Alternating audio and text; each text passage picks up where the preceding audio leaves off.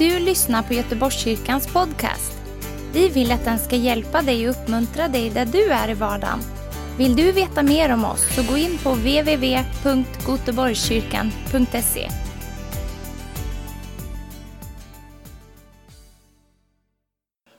Det har varit underbara dagar och eh, torsdagskvällen så delade Gud om att vi ska vara mer beroende av Jesus. Och sen igår kväll så hade vi det här med att ge utrymme för den helige Ande i våra liv.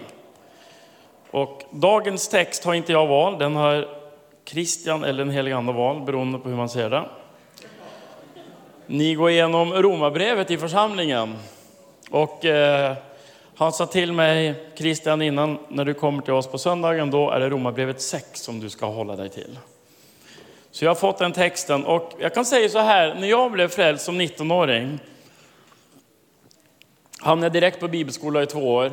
Och efter, efter att jag kom hem från bibelskolan, till, hem till Norge igen, så hade jag en större hunger efter Guds ord än jag någonsin hade haft i mitt liv. En del tänker så här efter två år på bibelskola, så är man korvstoppad och då pausar man från Bibeln. För mig var det tvärtom. Så jag var så desperat efter Guds ord. Så jag satt fyra, fem, sex timmar och läste Guds ord varje dag. Och eh, sen sa den heliga ande, du ska lära hela kapitel utan till i Bibeln. Ehm, så jag, han sa, du ska börja med romabrevet. Så jag började lära romabrevet och då sa han, börja med kapitel 5 och 6 och 8 och lär dem utan till. Så jag lärde dem utan till på svenska på engelska. Och satt i timmar och bara tuggade igenom de här passagen. Så när jag fick frågan om Romarbrevet 6 tänkte jag, ja men det, det ska nog gå bra tror jag. För det är ett kapitel som jag både, inte bara kan utan till men som jag har tuggat på jättemycket i mitt liv. Um, du vet när man blir frälst så lämnar man det gamla livet. Och väldigt mycket i våra liv lösa, blir inte löst genom handpåläggning, utan det är genom att vi förnyar våra sinnen med Guds ord. Eh, och jag tror vi kan missbruka det ibland, och jag tror säkert att jag har missbrukat det många gånger. Eh, och jag hoppas inte jag gjort den här, de här dagarna också, men en handpåläggning är bra, och ett profetiskt ord är bra, men vi är Guds medarbetare och vi måste arbeta med Gud. Så det finns inga quick fix till förändring i våra liv, utan Guds ord och det förnyade sinnet är så otroligt viktigt. Så jag lärde utan till Romarbrevet 6 där hemma. Eh, jag behövde bryta med gamla tankemönster, vanor, syndigt beteende. Liksom. Man, var ut, alltså man var ju van att göra det man själv ville innan man blev frälst, eller hur? Paulus säger att vi gjorde vad tankarna och köttet ville. Förut gjorde vi det. Vi bara följde våra instinkter, våra begär. Romarbrevet 6 handlar om den troende under nåden och problemet med vanemässig synd. Och Paulus ställer en fråga här och det är, ska vi leva ett liv i synd så att vi kan ta emot mer av Guds nåd? Paulus börjar hela Romarbrevet 6 i vers 1 så här. Vad ska vi nu säga? Ska vi fortsätta att synda för att nåden ska bli större? Varför säger Paulus det här? I Romarbrevet 5, alltså kapitlet innan, så Paulus, säger Paulus i vers 20, där synden blev större, där överflödade nåden ännu mer. Så Paulus kom ju själv med det här konceptet, där, där synden är stor, där är Guds nåd ännu större, så den räcker för alla våra synder. Det finns, du vet, jag har suttit med människor som säger mina synder de är så stora och de är så många, det finns ingen nåd för mig. Jag satt med en man som hade suttit i fängelse i 17 år för en mängd olika brott. Han sa, jag har gjort så mycket synd och så mycket ondska. Så han sa att det finns ingen nåd för mig. Och jag sa, tyvärr, du har fel, sa jag. Om dina synder är väldigt stora, då finns en nåd som är ännu större. Som trumfar även dina största synder. Så Paulus han kommer med det här uppenbarelsen och påståendet i kapitel 5. Att om synden är jättestor så är nåden alltid större. Och då undrar, ja, Paulus han undrar ifall en del ska kunna ta den här sanningen som han har kommit med och tolka den som att ja, men då spelar det väl ingen roll hur jag lever som kristen eller troende och jag lever ett liv i synd. Därför att Gud övervinner alltid min synd med sin enorma nåd. Och sen, om Gud älskar syndare, varför ska vi då oroa oss över synden kan man fundera på. Om Gud ger sin nåd till syndare, varför inte synda mer? Så man får uppleva mer hans nåd. Det är den här problematiken Paulus tar upp. En del människor tror att deras uppgift är att synda och att Guds uppgift är att förlåta. De gör sitt jobb och Gud gör sitt jobb. Men det är det här, det är liksom det, här som Paulus vill ta ett uppgör med. I början av 1900-talet fanns det en rysk munk som hette Gregory Rasputin i Ryssland, i Moskva. Och han lärde ut vid hovet och levde ut tanken om frälsning genom upprepade synder och omvändelse. Det var en irrlära. Han trodde att eftersom de som syndade mest är de som behöver mest förlåtelse, så kommer en syndare som syndar helt hämningslöst uppleva mera Guds nåd än en vanlig syndare. Så länge man vänder om i ögonblicket. Så han levde ett liv i liksom fullständigt grova synder. Och sen tänkte han, nu får jag ännu mer av Guds nåd. Det funkar inte. En fråga som vi konfronteras med i Romarbrevet 6 är det här. Är Guds nådesplan säker? Kan inte människor missbruka nåden? Om Guds frälsning och Guds acceptans av oss enbart beror på nåd genom tro och inte våra gärningar, kan vi inte bara säga jag tror och lever precis som jag själv vill. Det finns många som gör så. Det finns många troende, eller som kallar sig troende, som lever precis som de själva vill. Från en mänsklig synvinkel så är nåden jättefarlig. Därför är det många som inte undervisar om nåden eller tror på nåden, utan istället betonar att leva utifrån budorden och lagen. Man frestas att tro att om man säger till Gud, eller om man säger till folk att Gud frälser och accepterar dig enbart på grund av nåd och inte genom förtjänst, ja, då finns det väl ingen grund eller motivering att lyda Gud. Man tror att det inte går att hålla folk på den smala vägen utan att samtidigt hota dem. Om vår position i Jesus redan är klar på grund av vad han gjorde, så tror en del att då försvinner all motivation för att leva ett heligt liv. Så Paulus han ställer frågan, skall vi fortsätta att synda till de troende? Och det är tydligt från sammanhanget att Paulus talar om vanemässig synd. Ska vi fortsätta att leva ett liv, en syndig livsstil? Ska vi fortsätta leva ut det som vi gjorde i vårt gamla liv och tänka att det är okej, okay, för Guds nåd är ändå så stor att den täcker över? Då säger Paulus i vers 2, nej, nej, visst inte. Vi som har dött bort ifrån synden, hur skulle vi kunna fortsätta att leva i den? Nästan som, hur är det möjligt? Alltså det går ju inte. Paulus är tydlig med att leva ett liv i synd är fullständigt otänkbart. Eftersom vi har dött bort från synden. Och det här har förändrat hela vårt förhållande till synden. Nej, visst inte. Alltså det är fullständigt otänkbart. Det är ett starkt uttryck som betyder aldrig någonsin. Vi som har dött bort från synden, hur skulle vi kunna fortsätta att leva den, säger Paulus. Han slår fast en otroligt viktig princip. När du och jag föds på nytt så ändras vårt förhållande till hela syndproblemet. Vi har dött bort från synden. Vi kan inte leva i något vi har dött bort ifrån, säger Paulus. Du vet, det var gamla tankemönster och beteenden i mitt liv när jag blev frälst som jag behövde bryta med. Och så läste jag Romarbrevet 6 och lärde utan till och så visade Gud mig att du är faktiskt fri från synden Daniel. För att fienden han kommer och säger, ja men du är fortfarande slav, jag har makt över dig, eller hur? Du kan inte bryta med det här. Och jag behövde förnya mitt sinne låta Gud verka i mig. Och så läste jag den här versen där det står, vi har Kristi sinna. För jag hade problem med mina tankar. Hur jag tänkte. Och liksom hålla tankarna i fånga liksom. Det förny- tänka rätt om människor. Och så säger och så var det som det bara, det bara exploderar i mig. Jag läser den här versen, jag har läst den många gånger.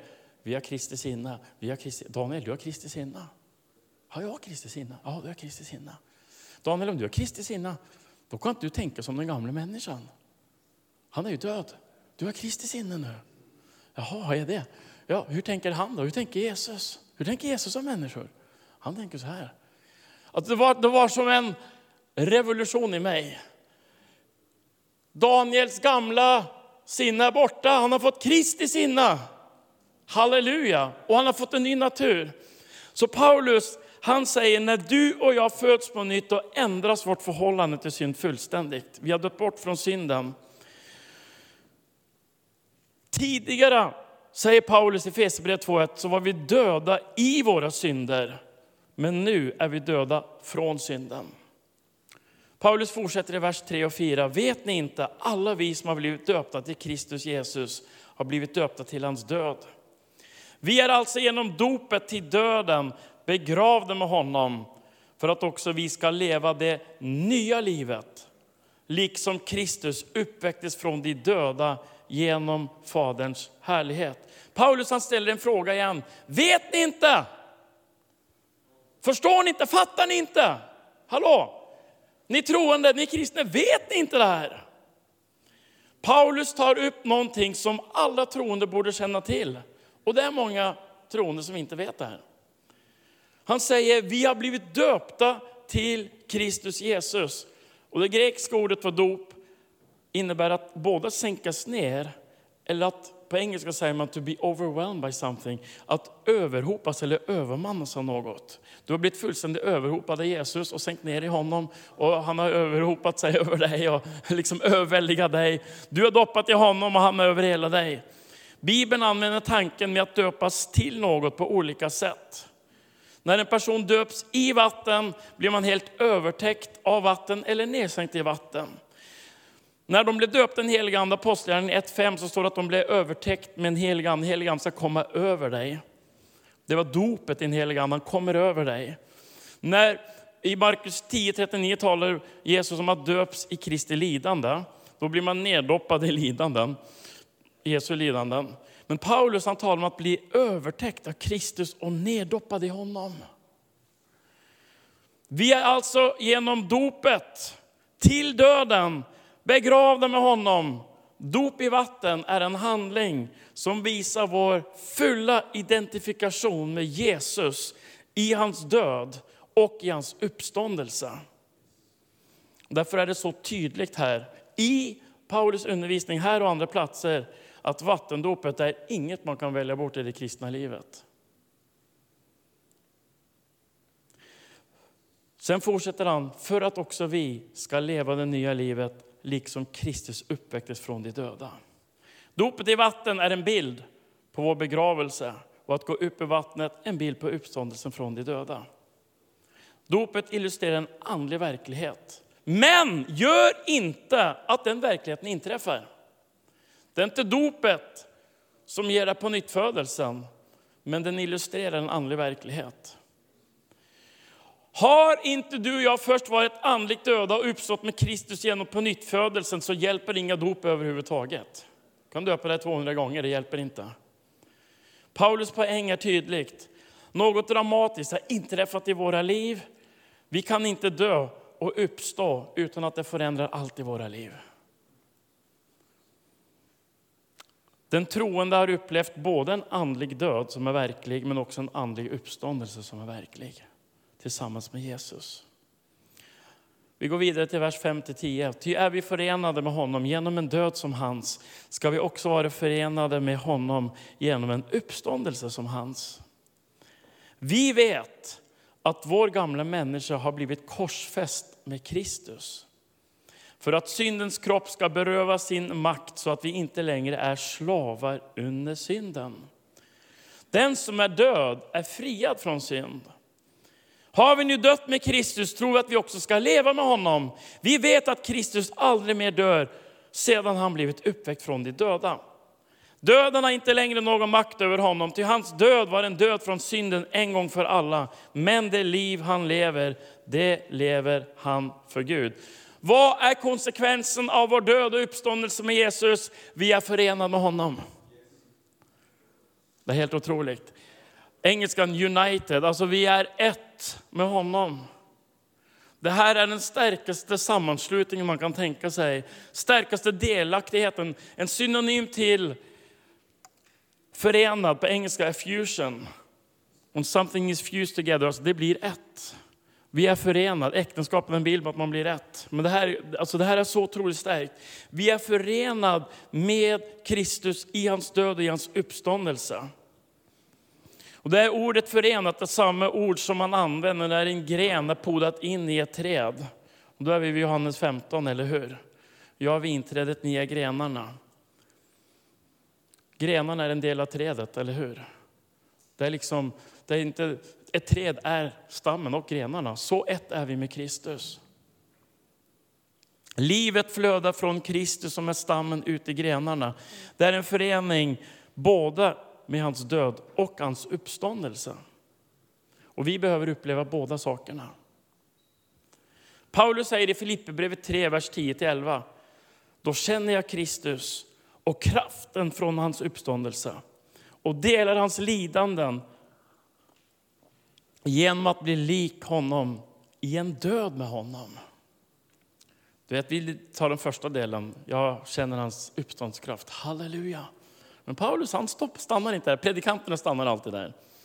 Men han säger att bli lik honom i en död med honom. Ingen uppståndelse utan en död med honom. Många vill förenas med Kristus i härligheten av hans uppståndelse men vill inte förenas med honom i hans död. Men Paulus säger så här, är vi förenade med honom genom en död som hans, då ska vi också vara förenade med honom genom en uppståndelse som hans. Halleluja. När vi delar Jesu död så är vi helt säkra på att få del av hans uppståndelse. Vi lever ett liv där vi är korsfäst med Kristus. Och det är nödvändigt för att vi ska leva uppståndelselivet. Vi lever ett liv där vi är korsfäst med Kristus. Och därför fortsätter Paulus, vi vet, vår gamla människa har blivit korsfäst med Kristus. Den gamla människans död är en etablerad sanning. Oberoende av vad du tycker om det eller känner. Han är död. Den gamla Daniel är död. när hände det? Det inträffade när vi identifierade oss med Kristi död vid frälsningen. Den gamla människan är den fallna delen av oss som gör uppror mot Gud och hans bud. Lagen kunde inte ta itu med den gamla människan, utan bara upplysa den gamla människan om vad Guds standard innebär. Lagen vill rehabilitera den gamla människan, men det går inte, han måste dödas. Du kan inte rehabilitera, du vet den religiösa människan, det liksom, man försöker rehabilitera den gamla människan. Det går inte, han måste dö. Han måste dö.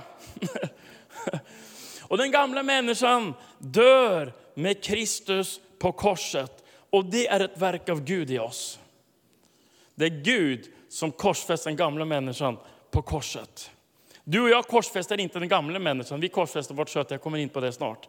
Men det står att Gud, vi dog med, med Kristus på korset, han korsfäste den gamla människan. Och du och jag ska räkna med att det är så. Vi kan inte övervinna den gamla människan, Gud får döda honom åt oss. Han är död. Amen. Så i dopet begravar vi, då är det slut. Det är över. Den gamla människan är över. Halleluja. Vad händer sen? I den gamla människans ställe ger Gud oss en ny människa som är programmerad instinktivt att vilja behaga och lyda Gud. Det här är goda nyheter. Du vet, jag kommer ihåg för många år sedan när jag var ny pastor och tänkte Gud, det är så många här i kyrkan, bland de ungdomarna som fanns då. De, de hatar att be, de vill inte prisa Gud och de tycker inte om lovsång. Jag bara, Gud vad är det som är fel med dem? Då bara sa han de är inte födda på nytt. Därför att om du är född, du kan vara uppvuxen i kyrkan och inte vara född på nytt. Kyrkan kan vara full av opånyttfödda människor. Och då bara visade Gud mig, om du är född på nytt, då vill du älska Jesus. Då vill du leva för honom. Då vill du lyda honom, då vill du prisa honom. Om du, älsk, om du verkligen är född på nytt under lovsång, du kan inte låta bli. Ditt hjärta bara sträcker sig till Gud. Djup ropar på djup, det bara här inne Jesus! Mitt hjärta ropar Jesus! Abba fader, hela dig, hela din sida skriker efter Jesus. Så varför har vi människor som aldrig känner så i kyrkan? De är inte på nytt födda. Därför att när vi föds på nytt så läggs hans ande i oss. Och hans ande i oss vill ha gemenskap med honom. Så Gud sa, ungdomarna bör bli födda på nytt i din kyrka. Jag bara, okej, okay. då börjar vi där. I den gamla människan har Gud gett oss en ny människa som vill lyda och behaga Gud. Det är helt fantastiskt. Denna del av oss gavs genom vår uppståndelse med Kristus. Paulus säger i Efesierbrevet 4.24, ni har iklätt er den nya människan. Ni har, han säger inte ni måste, ni borde. Kom ihåg att göra det här. Han säger ni har, det är redan gjort. När du blev frälst så iklädde du dig den nya människan. Ni har iklätt den nya människan som är skapad till likhet med Gud. Wow! Du har en ny människa som är skapad att vara lik Gud. I tankar, i ord, i handling, i attityd, i, i beteende, liksom i allting. I sann rättfärdighet och helighet. Så Paulus säger i Romarbrevet 6, syndens kropp ska berövas sin makt. Gud använder vår död från den gamla människan och den syndiga naturen för att befria oss från synd. Det är det enda som kommer befria oss från synd, det är att döda den gamla människan som vill synda. En död människa kan inte längre ha auktoritet över oss. Vi måste förstå att den gamla människan är korsfäst med Kristus. Efesierbrevet 4.22 och Kolosserbrevet 3.9 säger att vi har klätt av oss och lagt av oss den gamla människan. Vi ska inte bekämpa den gamla människan, utan vi ska räkna honom som död. Amen. Halleluja. Och det är det djävulen vill försöka liksom att få oss att tänka liksom att synden har samma makt över oss efter att vi blivit frälst som den hade innan, men den har inte det. Den har blivit berövad sin makt. Det här är goda nyheter. Romarbrevet 6 är goda nyheter från början och till slut. Nu i det nya livet så är synd och ondska en främling och en inkräktare i våra liv. Inte längre någon som sitter på tronen och utövar herravälde över oss. Det är en föraktad alien. Om vi har lagt av den gamla människan, var, då kommer frågan så här då, för nu sitter ni och funderar en hel del allihopa här. Varför kan man ändå känna en dragning till synden då? Om den gamla människan är korsfäst, död och begraven och en ny människa kommer. Men, men det här frestelser och allt det här, var kommer det ifrån? Jag har inte stämt av teologin med kristen, här, så om han inte håller med så får vi rätta det här senare. Det kommer inte från den gamla människan utan från köttet. Den gamla människan är korsfäst och begraven.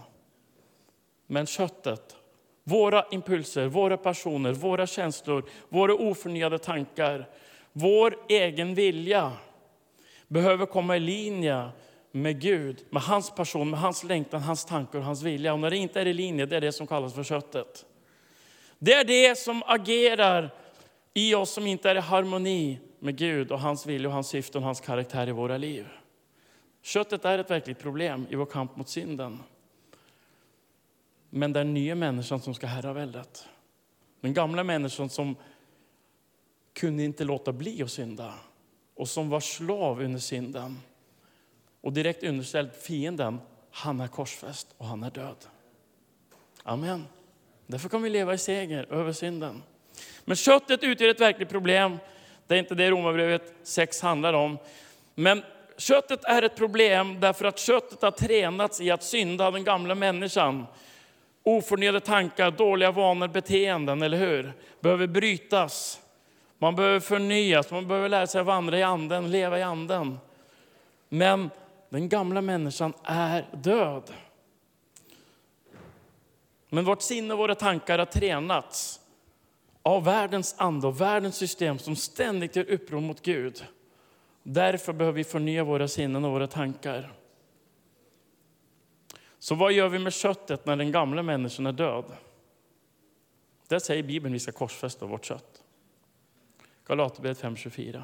Så som tillhör Kristus Jesus, vad gör de? De korsfäster sitt kött med dess lidelser och begär, säger han. Gud han har korsfäst den gamla människan, den är död, den har ingen makt över oss. Men din och min uppgift, vi korsfäster vårt kött. Halleluja. Vi säger nej, ja, men även Jesus var ju tvungen att i Getsemane, inte min vilja utan din. Gud, jag böjer mig under din vilja. Jag böjer mig under ditt herravälde. Låt din vilja ske genom mig. Halleluja. Om vi tillåter köttet påverkas av gamla vanor och beteenden från det förflutna, världen eller djävulen, så drar det oss mot synden. Men vi måste låta den nya människan påverka vårt sinne, vår vilja och känslor och där den heliga ande finns. Halleluja. Paulus säger, vi är inte längre slavar under synden. Den som är död är friad från synd. Vilken god nyhet. Du är inte längre syndens slav. Det är brutet genom döden, genom din död, genom Jesu död. Halleluja! Så säger Paulus vidare, vi vet, du vet jag, jag kommer att trycka mycket på början av kapitlet, sen när tiden går ut så bara läser jag snabbt igenom sista delen. För det här, den först, viktigaste delen tycker jag kommer här i början. Det här är en enorm uppenbarelse. Du vet, vi har talat de här dagarna om ett kliv framåt. Egentligen, det här är första klivet, det är här vi skulle ha börjat egentligen. Men nu tar vi början i slutet. Allting börjar här. Nya människan, identifikation med Kristus och hans död. Sen kommer allt andra som vi har pratat om de här senaste dagarna. Men det här är begynnelsen på det nya livet. Det här är det första klivet. Vår totala identifikation med Jesus i hans död, i hans uppståndelse. Paulus fortsätter, vi vet att Kristus aldrig mer dör. Sedan han har blivit uppväckt från de döda, döden har inte längre någon makt över honom. Eftersom du och jag har dött bort från synden med Jesus har döden heller ingen makt över oss. Syndens lön är döden. Den som tror på mig, säger Jesus, han ska aldrig någonsin dö. Den nya människan har enbart liv. Evigt liv. Ty det liv han lever, det lever han för Gud. Syftet med det nya livet är inte att leva för oss själva. Den gamla människan lever för sig själv, den nya människan lever för honom. Och jag tänk, som pastor tänker jag så här, det är verkligen ett kännetecken om någon har blivit omvänd och frälst på djupet. Det är att direkt så vill de inte, alltså de upphör att vilja leva för sig själv. Och nu vill de leva för Jesus, hans vilja, hans rika och hans syften. Och finns inte den där viljan att leva för honom, då ifrågasätter man verkligen blivit på nytt född. För den nya människan vill inte längre leva för sig själv, han vill leva för honom som älskade honom och frälste honom. Det liv han lever, det lever han för Gud. När jag gifte mig med min fru så sa jag, Gud jag vill ha en vers som ska prägla mitt liv. Och jag vill ingravera i min ring, så jag har på min hand och blir påmind om det tills den dagen jag dör. Då upplevde jag Gud sa, gör Andra Korinthierbrevet 5.15 till din livsvers. Så jag skrev in det i ringen. Ty han dog för att vi som lever inte längre ska leva för oss själva utan för honom som dog och uppstod för oss. Det är din livsmotto Daniel. Du lever inte längre för dig själv utan för mig. Så jag skrev in det i min ring, mitt förbund, inte bara med Emelie utan med Jesus. Jag är vikt med honom, min brudgum, och jag lever för honom, inte för mig själv. Det liv vi lever, det lever vi för Gud. Den nya människan lever för honom. Vi lever inte längre så som vi vill, vi lever inte så länge, längre för oss själva. Vårt liv går ut på att behaga honom. Behag betyder glädje, göra glad. Och jag tycker det är så häftigt. Tänk att jag kan göra Jesus glad. Tänk att jag kan leva ett liv som gör honom lycklig. Ja, men det är det ordet behaga betyder. Det betyder glädje. Ett liv som gläder Gud. Eller hur? Det är saker som bedrövar den heliga Ande. Vi talade om det igår. Men det är saker som gör den heliga Ande glad, eller hur? Mina barn kan glädja mig eller bedröva mig, eller hur? De kan göra mig glad eller sorgsen. Eller hur? Vi kan glädja Gud. Våra liv ska behaga honom, ska göra Gud glad. Den andliga nya människan kan inte leva på det gamla sättet. Hur kan en som har blivit köpt fri från syndens slaveri välja att återgå till det igen? Det är den frågan Paulus ställer. Och redan i Hesekiel så beskrivs det här profetiskt om det nya förbundet. I kapitel 36. Där Gud säger, jag ska ge er ett nytt hjärta och låta en ny ande komma in i er. Det är vad det innebär att vara en slav under rättfärdigheten. Halleluja. Tiden går. Vers 11-12. Så ska också ni se på er själva. Alltså, ni måste ha rätt uppfattning! Hallå! Hur ser du på dig själv? Paulus han ställer frågan hela tiden till, till romarna, till, alltså till de kristna i romarbrevet. Hur är det då? Hur, liksom, ska vi verkligen fortsätta med det här? Och så säger han, så här måste ni se på er själva. Ni är döda från synden. Ni lever för Gud. Hur ser du på dig själv? Tänker du synden är så stor och stark, och har sån otrolig makt över mig? Eller tänker du, jag har faktiskt död från synden. Djävulens starkaste vapen är lögn. Det är hans starkaste vapen för att hålla oss i fångenskap, det är lögn. Du kan aldrig bryta med det, här, du kan aldrig komma ur det, här, du kan aldrig bli fri, du kan aldrig leva i seger. Du kan... Har ni hört den rösten någon gång? Åklagaren, eller hur? Som trycker ner, ifrågasätter Gud, ifrågasätter Guds ord i våra liv. Se på er själva, döda från synden, ni lever för Gud i Kristus Jesus. Synden ska därför inte härska i er dödliga kropp så att ni lyder dess begär. Den praktiska applikationen av vår död och uppståndelse med Jesus är, nu ska vi se på oss själva på rätt sätt. Vi är döda från synden. Gamla människan är redan korsfäst, den är död och den är begraven. Nu lever vi för Gud. Man säger i Kristus Jesus, det går inte utan honom. Vi är så beroende av Jesus. Den, den predikan har ni redan fått. Vi kan inte leva det nya livet utan Jesus. Vi är så enormt beroende av honom. Du och jag kan inte leva i seger över vårt kött och allt här utan helig Andes hjälp. Men det går med hans hjälp. Det är bara i Jesus vi kan leva för Gud, när vi är neddoppade i honom. Vi är döpta till Kristus och vi behöver doppas ännu mer ner i Jesus hela tiden. Eller hur? Neddoppade i honom, halleluja. Synden ska därför inte härska i er dödliga kropp. Det är så underbart. Det här kan bara sägas om den som har upplevt den nya skapelsen och att den gamla människan är korsfäst. Bara den som är befriad från synden kan leva fri från syndens herravälde. Den som är syndens slav kan inte sluta synda. Du vet, jag var en religiös kille, pastorsson, växte upp i kyrkan, men hade inte fått uppleva på nytt födelsen och blivit döpt den heliga ande. Åh, vad jag kämpade mot synden. och jag hade läst Bibeln utan till många gånger, för det gjorde vi i vårt hem sen jag var liten. Fick bibelläsningsplan, pappa hade skrivit en egen bibelläsningsplan. Så man läste igenom Bibeln en gång per år. Så jag kunde massor i Bibeln. Liksom. Började redan som sjuåring och läsa igenom hela Bibeln en gång om året. Men det blev liksom, det hade inte blivit levande i mig. För Kristus hade inte tagit sin boning i mig. Och fy vad jobbigt att själv ska, skulle övervinna liksom synden i egen kraft. I den gamla människan är det omöjligt, det går inte. Men när vi har upplevt den nya skapelsen och att den gamla människan är korsfäst och att vi är befriade från synden så har synden förlorat sitt herravälde. Det innebär inte att vi är syndfria. Vi kan falla, vi kan bli ilskna, vi kan bli arga, vi kan tänka felaktiga tankar. Och då står det i Johannesbrevet, om vi någon synder då han bekänna sin synd och då är han trofast och rättfärdig förlåter oss våra synder, eller hur? Men synden har inte längre makten i våra liv. Vi är inte slavar under synden. Synden är inte på tronen, det är Jesus. Synden är inte längre kung över oss, det är Jesus. Halleluja! Den som är syndens slav kan inte sluta synda och leva ett bra liv. Du kan inte rehabilitera den gamla människan, han måste dö. Halleluja.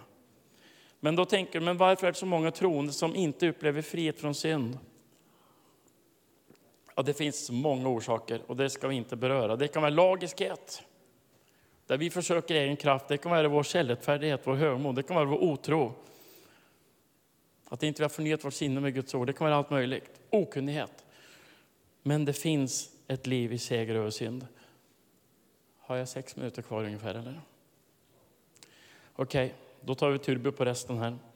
Vers 13-14, ställ inte lemmar, ja, men det är inte snällt att ge en predikant 23 verser och predika om under 40 minuter.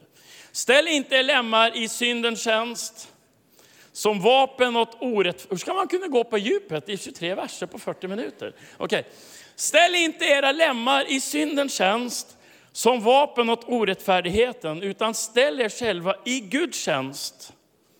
Ni som var döda men nu lever, ställ era lemmar i Guds tjänst som vapen åt rättfärdigheten. Synden ska inte vara herre över er. Ty ni står inte under lagen utan under nåden. Oh, nu går vi till crescendo här redan. Det här handlar om att leva i den friheten Jesus har givit oss. Ställ inte dina lemmar i syndens tjänst som vapen åt orättfärdigheten. Ställ er själva i Guds tjänst. En person kan officiellt vara fri, men fortfarande var i fängelse. Många kristna är i fängelse, fast Jesus har friköpt dem. Man kan tänka som en fånge, agera som en fånge. Jesus kommer frihet från synd, men många kristna lever ändå i nederlag, missmod och i fängelse eftersom man ger efter för kötsliga aptiter. För att vandra i Kristi frihet så är det inte bara att vi ska sluta ställa vår kropp i syndens tjänst. Vi måste ställa vår kropp i Guds tjänst, våra liv. Vår händer, vår mun, vår alltihopa. Det var en, jag minns inte vem det var, en gamla predikanten från medeltiden, var säkert Luther.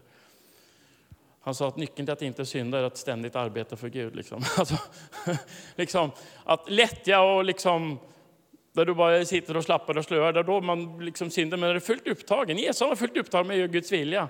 Jesus sa, så länge det är dag måste jag arbeta.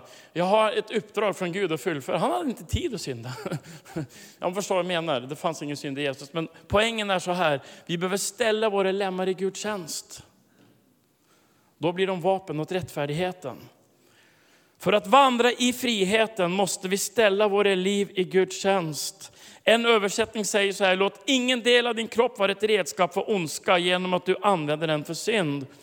Det gäller dina ögon, mun, händer, ditt sinne. Vår kropp kan användas som vapen för rättfärdigheten. I det nya livet så helgar, avskiljer vi vår kropp för hans vilja och hans syften. Kung David är ett bra, ett bra exempel på det här. Han använder sin mun och sina händer för att ta ner Goliat. Eller hur? Men han använder tyvärr också sina ögon fel när han tittar på Batseba följer synd. Hur, vad, hur ställer vi våra lemmar? Vilken tjänst ställer vi våra lemmar, eller hur? Ställer själva i Guds tjänst. Prästerna i Gamla Testamentet de skulle sprinkla blodet på tummen på handen, på stortån, på foten, eh, på olika delar av kroppen för att visa att de var helgade åt Gud. Och du är sprinklad med Jesu blod, täckt med Jesu blod.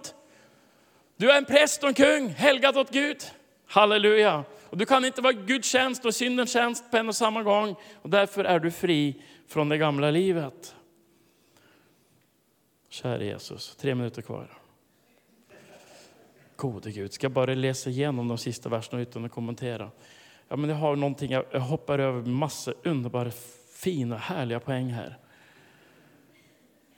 Och så tar vi bara det här och så börjar jag läsa igenom versen, de sista verserna och jag kommer en kommentar här. Vi ska hålla oss till tiden på något sätt. Paulus han säger så här, jag måste bara ta med det här, det är så otroligt viktigt, jag kan inte hoppa över det här. Paulus säger, synden ska inte vara herre över er. Ni står inte under lagen utan under nåden. Jag måste ta med nåden här. Detta är vägen till att leva i frihet. Min nåd räcker för dig Paulus. Nåden det enda som bär när allting annat vacklar, det är Guds nåd. Det enda som bär inför den vita tronen. Ni står under nåden och det är vägen till frihet. Det sker inte genom vår strävan, det sker inte genom våra prestationer, utan det är genom hans nåd. Lagen visade Guds standard, men också vårt tillkortakommande och ger ingen frihet från synd men nåden gör oss fria.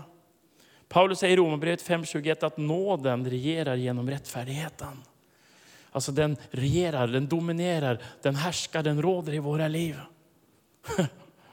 Guds nåd gör oss fria, Guds nåd ger oss kraft att regera över synden. Vem är det som får nåd? Den ödmjuke ger han nåd. Den som böjer sig under honom, den som är beroende av honom. Jesus, jag fixar inte Jesus hjälp mig att övervinna ilska i mitt liv. Så bara fylla med en helig ande, andens frukter. Återhållsamhet, mildhet, vänlighet, så får du seger över köttets gärningar. Det är Guds nåd som gör oss fria. Ett liv som verkligen levs under nåden är ett rättfärdigt liv. Nåden är ingen ursäkt för att synda. Använder vi nåden som ursäkt för att synda är det ett tecken på att vi inte lever under nåden alls. Nåden är Guds verk i våra liv. Och det här var så radikalt under Paulus tid, eftersom lagen var enda vägen att behaga Gud. Att hålla lagen. Nu har Paulus besvarat hela frågan i Romarbrevet 6 och vers 1. Eftersom våra synder är förlåtna, hans nåd verkar i våra liv. Den gamla människan är korsfäst, en ny människa har kommit, finns det ingen anledning längre att leva under synd. Halleluja. De sista verserna läser jag utan kommentarer så har gått igenom hela kapitlet och sen ska vi prisa Gud. Halleluja. Jag är ingen bibellärare, det kan jag bara säga. Jag är ingen Johnny Foglander. Så jag har väldigt svårt att veta hur man ska prioritera de här 40 minuterna. Men, men det jag delar tills nu i alla fall, det är, det är huvudpoängen i Romarbrevet kapitel 6. Så jag bara läser de sista verserna så har ni fått hela kapitlet här. Hur är det alltså, vers 15, ska vi synda eftersom vi inte står under lagen utan under nåden? Naturligtvis inte, det går inte. Hans nåd verkar ju dig. Vet ni inte, det har Paulus igen, fattar ni inte, förstår ni inte, vet ni inte? Han säger det hela tiden. Hallå, har ni missat det här? Har ni inte greppat det här? Förstår ni inte vad det kristna livet handlar om? Vet ni inte att om ni gör er till slavar under någon och lyder honom så är ni hans slavar där honom ni lyder. Antingen under synden, vilket leder till död, eller under lydnad som leder till rättfärdighet. Paulus säger ni har ett val. Förut hade ni inget val, nu har ni ett val. Ska jag välja synden eller ska jag välja Guds vilja? Gud vare tack, ni var syndens slavar. Nu är ni hjärtat blivit lydiga mot den läran ni blivit överlämnade åt. Helgelse, lyda Gud. Jag lyder Gud nu, hans nåd verkar i mig. Nu är jag en slav under rättfärdigheten. Ni är nu slavar under rättfärdigheten. ni har befriats från synden. För det mänskliga svaghet skull använder jag en så enkel bild. Ty liksom ni först ställde er lemmar i orenhetens och laglöshetens slavtjänst till ett laglöst liv ska ni nu ställa era lemmar i rättfärdighetens slavtjänst till helgelse. Medan ni var syndens slavar var ni fria från rättfärdigheten. Vad skördade ni då för frukt? Jo, det som ni nu skäms för. Slutet på sådant är döden. Men nu, då ni befriats från synden och blivit Guds slavar, blir frukten att ni helgas och till slut får evigt liv. Ty syndens lön är döden, Guds gåva är evigt liv i Kristus Jesus, vår Herre. Och nu är vi två minuter över. Far i himlen, vi bara tackar dig. Far, vi bara tackar att vi är inte under lagen, vi är under nåden. Tack att den gamla människan är död, begraven, korsfäst. Halleluja. Tack att synden har blivit berövad sin makt. Tack för att din nåd verkar i oss så vi kan leva det nya uppståndelselivet i din heliga Andes kraft. Far, vi behöver dig. Vi är så otroligt beroende av dig. Tack att det handlar inte om vår kamp mot den gamla människan, han är död. Tack Jesus att du verkar i oss och vi lever ett liv där vi är korsfäst med Kristus. Där vårt kött är korsfäst och där vår vilja och vår kropp och vår själ och ande är underordnat dig och din vilja. Där vi avskiljer våra liv för dig och för tjänst i ditt rike i Jesu namn. Amen. Amen. Halleluja. Då ska vi gå in i eftermötet. Har ni fått något av det här idag? Helt underbart. Och jag, kan, jag kan ge det som, jag vill avsluta med att säga så här, lär Guds ord utan till. Lär Guds ord utan till. Det verkar med kraft i oss som tror Guds ord. Läs inte bara Bibeln utan meditera. Ordet meditera betyder att lära utan till att tugga på.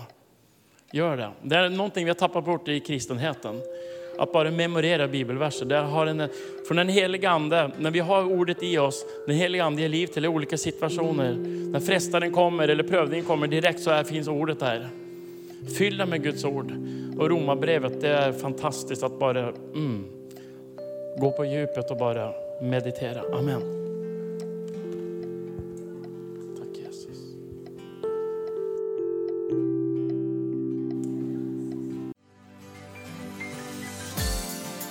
För att du har lyssnat. Dela gärna podden med dina vänner och glöm inte prenumerera. Om du har frågor eller vill att vi ska be för något så mejla oss på info. På söndagar har vi veckans höjdpunkt. Då firar vi gudstjänst tillsammans och det vore så kul att träffa dig där. Men vi har även samlingar för barn då? Gå in på vår hemsida goteborgskyrkan.se så får du veta mer. Välkommen till oss!